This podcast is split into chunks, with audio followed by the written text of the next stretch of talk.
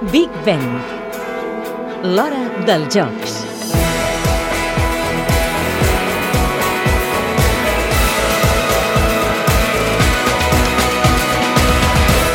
Els que la coneixen diuen que li agrada molt fer amics, practicar diversos esports i, sobretot, fer somriure la gent. Moderna i activa respon al nom de Wenlock i el seu pare és Grant Hunter, director creatiu d'Iris Design. Crec que això és el que ha de transmetre una mascota.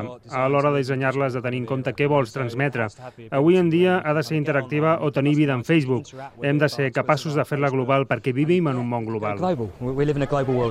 Sí, parlem de la mascota oficial dels Jocs Olímpics de Londres 2012. Té un únic ull amb una càmera incorporada per no perdre's detall de res. El seu cap està inspirat en el podi on sobreïxen tres pics que simbolitzen els graons i en el més alt dels tres una llum resplendent i groga que recorda la que porten els tradicionals taxis anglesos. El logo de Londres 2012 llueix al pit de la mascota, com el mateix cor dels Jocs. Els seus colors, or, plata, el majoritari i bronze, recorden el material de les medalles i les cinc polseres de l'amistat estan fetes amb els colors de les cinc anelles olímpiques. I tot això fet amb un material molt especial, com explica el màxim responsable de Londres 2012, Sebastian Coe. El que volem pels nens ha de ser senzill i clar. Ells busquen alguna cosa que els motivi i que tingui una bona història al darrere.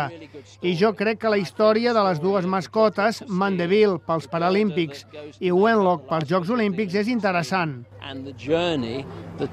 Estan fetes a partir de les dues últimes gotes de ser de l'estadi olímpic i crec que això agrada als joves.